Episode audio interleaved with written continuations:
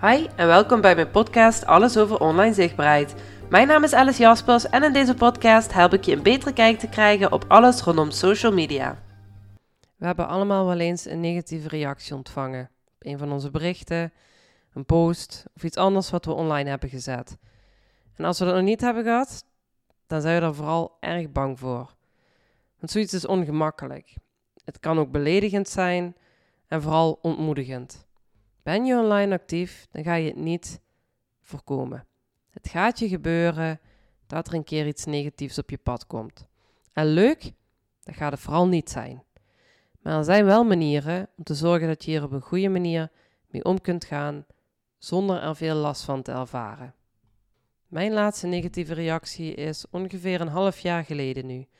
Ik had een advertentie lopen van een social media bericht waarin ik een uitleg gaf over de diverse elementen die je kunt toepassen, dus de stappen om een contentstrategie te maken. Nu is zo'n bericht altijd de basis, want de details van zoiets die zijn heel afhankelijk van de profielen die je gebruikt, de branche waarin je in zit, de boodschap die je wilt uitbrengen, je eigen doelen enzovoort. Dus zo'n bericht kan nooit voor iedereen toepasbaar zijn, zou ik het zo zeggen. Maar iedereen kan er wel wat uithalen. Nou was er dus een social media manager en zij was het niet eens met mijn uitleg. En ze vond het noodzakelijk om op mijn advertentie te gaan reageren. Wat voor mij meteen duidelijk was, was dat deze reactie niet bedoeld was om hierover in gesprek te gaan. En om van elkaar te gaan leren. Want dan had zij mij haar zienswijze wel via een persoonlijk bericht gestuurd. De schrijfwijze vond ik aanvallend en ook haar woorden waren geen opbouwende kritiek. Dus mijn eerste gevoel, dat was boosheid. Ik had echt zoiets van, wie denkt zij nou wel niet dat ze is? Waarom doet ze zo publiekelijk op zo'n negatieve manier reageren? Na die boosheid kwam meteen ook twijfel. Want, wacht even, heb ik het nou iets fout? Doe ik iets fout? Um, ik gebruik dit toch voor mezelf, voor klanten, het werkt toch? Waarom word ik nu aangevallen? Nou, ik heb dat even laten sudderen en toen heb ik ook vrij snel besloten om haar te gaan blokkeren en haar reactie te verwijderen. Ik heb daarna ook nooit meer iets gehoord, dus, dus ook niet dat ze dit heeft opgevolgd. Waarschijnlijk heeft zij mijn advertentie gezien, was het er niet mee eens, meteen uit emotie gereageerd en heeft verder gescrolld. Zonder eigenlijk nog te weten waarschijnlijk waar ze op heeft gereageerd. Ik wilde op dat moment de confrontatie ook niet aangaan. Ik was vooral ook boos, want ik dacht van ja, hoe ga je nou zo publiekelijk je ongenoegen uiten zonder eerst even met mij in gesprek te gaan over zoiets. Je ziet dat het een, um, een promotie is, een advertentie, ik betaal ervoor. Ik vond het nogal erg vervelend, zeker omdat zij ook een social media manager is, dus zou moeten weten dat dit ook op een andere manier kan. Nu is het dus in elke situatie gewoon belangrijk om eerst naar je eigen gevoel te gaan kijken. Dat je dat eerst verwerkt, zoals ik zei, hè, ik was eerst boos, daarna kwam twijfel, daarna ook weer een beetje, ja, boos, maar niet zeg maar heel erg boos. maar in ieder geval niet op je emotie meteen te gaan reageren, maar eerst even te voelen. Wat doet het met je? Waarom doet het iets met je? En wat wil je daarmee? En ga daarna pas actie ondernemen. Je kan dus doen wat ik deed en de beslissing nemen om de confrontatie niet aan te gaan. Zoals ik zei, die persoon heeft verder ook geen contact meer met me opgenomen. Dus ik ga er echt vanuit dat zij geen idee had vijf minuten later wat ze eigenlijk heeft gezegd en wat voor effect het heeft. Maar het kan ook zijn dat je wel het gesprek aan wilt gaan. En voordat je dit doet, ik moedig dit zeker aan. Weet je, ik heb ook wel een paar keer al het gesprek wel aangegaan. En um, wat je voor jezelf duidelijk moet maken is, wat wil je dan uit dat gesprek halen? Wanneer ga je het ook beëindigen? Waar ligt de grens mocht die persoon negatief blijven? Onthoud in ieder geval dat, het nooit, dat je nooit verplicht bent om eindeloos te blijven reageren.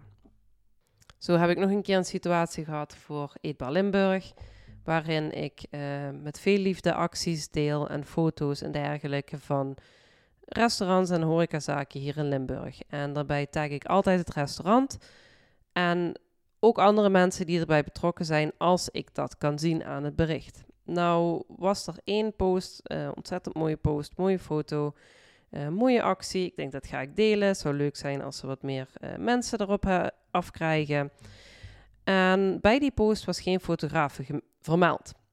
Dus ik heb gewoon het uh, bericht gedeeld in mijn story. Ik heb het restaurant genoemd, maar ik had niet de fotograaf genoemd, want ik wist het niet.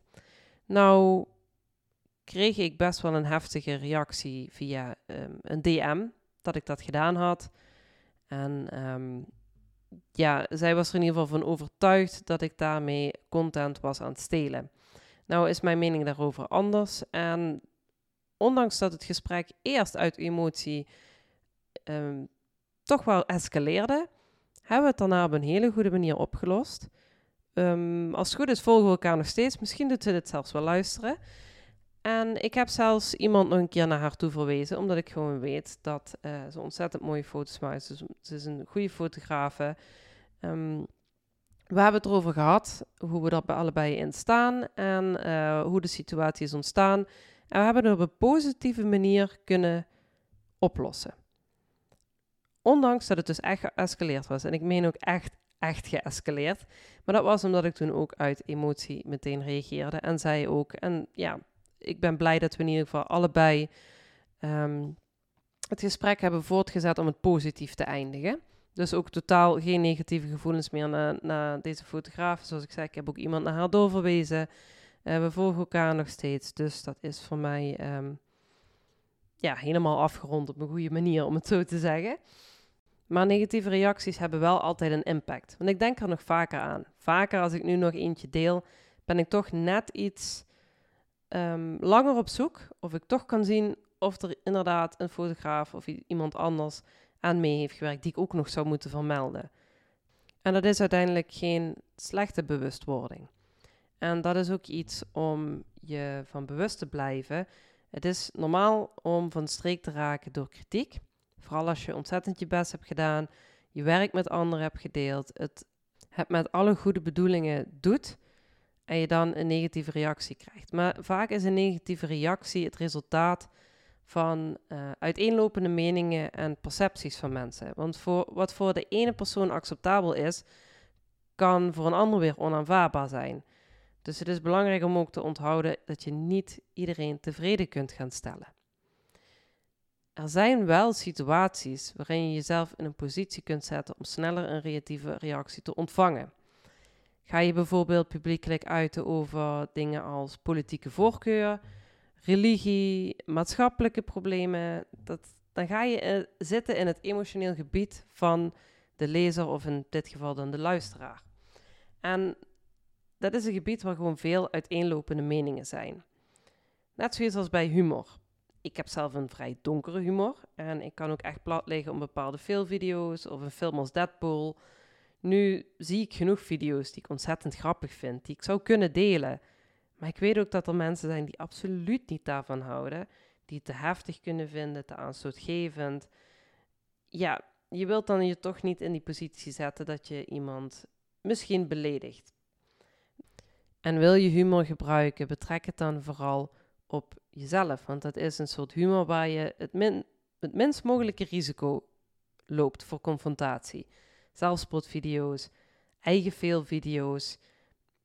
die kunnen eigenlijk altijd wel.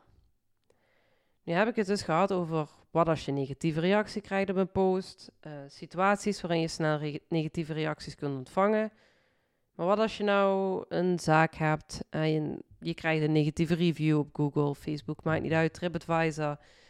Daar zijn ook meerdere stappen voor om dit op een professionele manier af te handelen, zonder gezichtsverlies te hebben. En ook zonder je daar te rot over te voelen. Want je hoort heel vaak mensen zeggen dat je een bepaald aantal goede reviews nodig hebt om één negatieve review te balanceren. Nou, dat is niet wetenschappelijk bewezen, dus wie die cijfers heeft bedacht, weet ik niet. Maar het is natuurlijk logisch dat mensen liever meer positieve reviews dan negatieve reviews zien als ze overwegen om klant bij je te worden. Maar wat veel belangrijker is, is wat doe je met die negatieve review? Dat kun je wel zien. Want je kunt altijd, en dat adviseer ik ook, altijd reageren op een negatieve review. Doe dat dus niet meteen. Eerst even je emoties onder controle krijgen. Goed nadenken. Reageer op de negatieve review en verwijs die persoon dan door naar een bepaald mailadres waar je het gesprek wilt vervolgen of een via een DM, Zodat in ieder geval publiekelijk zichtbaar is dat je de persoon gehoord hebt, dat je er iets mee wilt doen, dat je in gesprek wilt gaan. En dan is het aan die andere persoon om dat ook te gaan doen. En dan is de vraag natuurlijk hoe het gesprek verder gaat. Maar welke situatie je ook terechtkomt, verwerk altijd eerst je eigen emoties. Reageer altijd respectvol, probeer het op te lossen en houd vooral je focus op het leveren van waarde aan je klanten. Want als je naar de lange termijn gaat kijken, gaan, die, gaan het aantal tevreden klanten gaan veel meer invloed hebben op je onderneming dan die incidentele, individuele en soms negatieve reviews. Heb je nou veel angst hiervoor? Heb je het meegemaakt? Maak je het misschien de komende tijd mee? Denk dan even aan deze podcast. Stuur me een DM, happily.virtual, via Instagram, Facebook. Je mag me ook mailen via info.happyvirtual.nl. En ga dan met mij over in gesprek. Gaan we kijken of we dat op een fijne manier voor je kunnen gaan oplossen. Want voorkomen ga je het niet, maar je kunt er wel mee leren omgaan. Wil je nu meer leren over hoe je jouw weg in online zichtbaarheid kunt vinden? Volg je dan via happily.virtual. Laat mij via DM je bevindingen weten uit deze podcast. Vergeet je niet te abonneren, zodat je melding krijgt als de volgende aflevering beschikbaar is.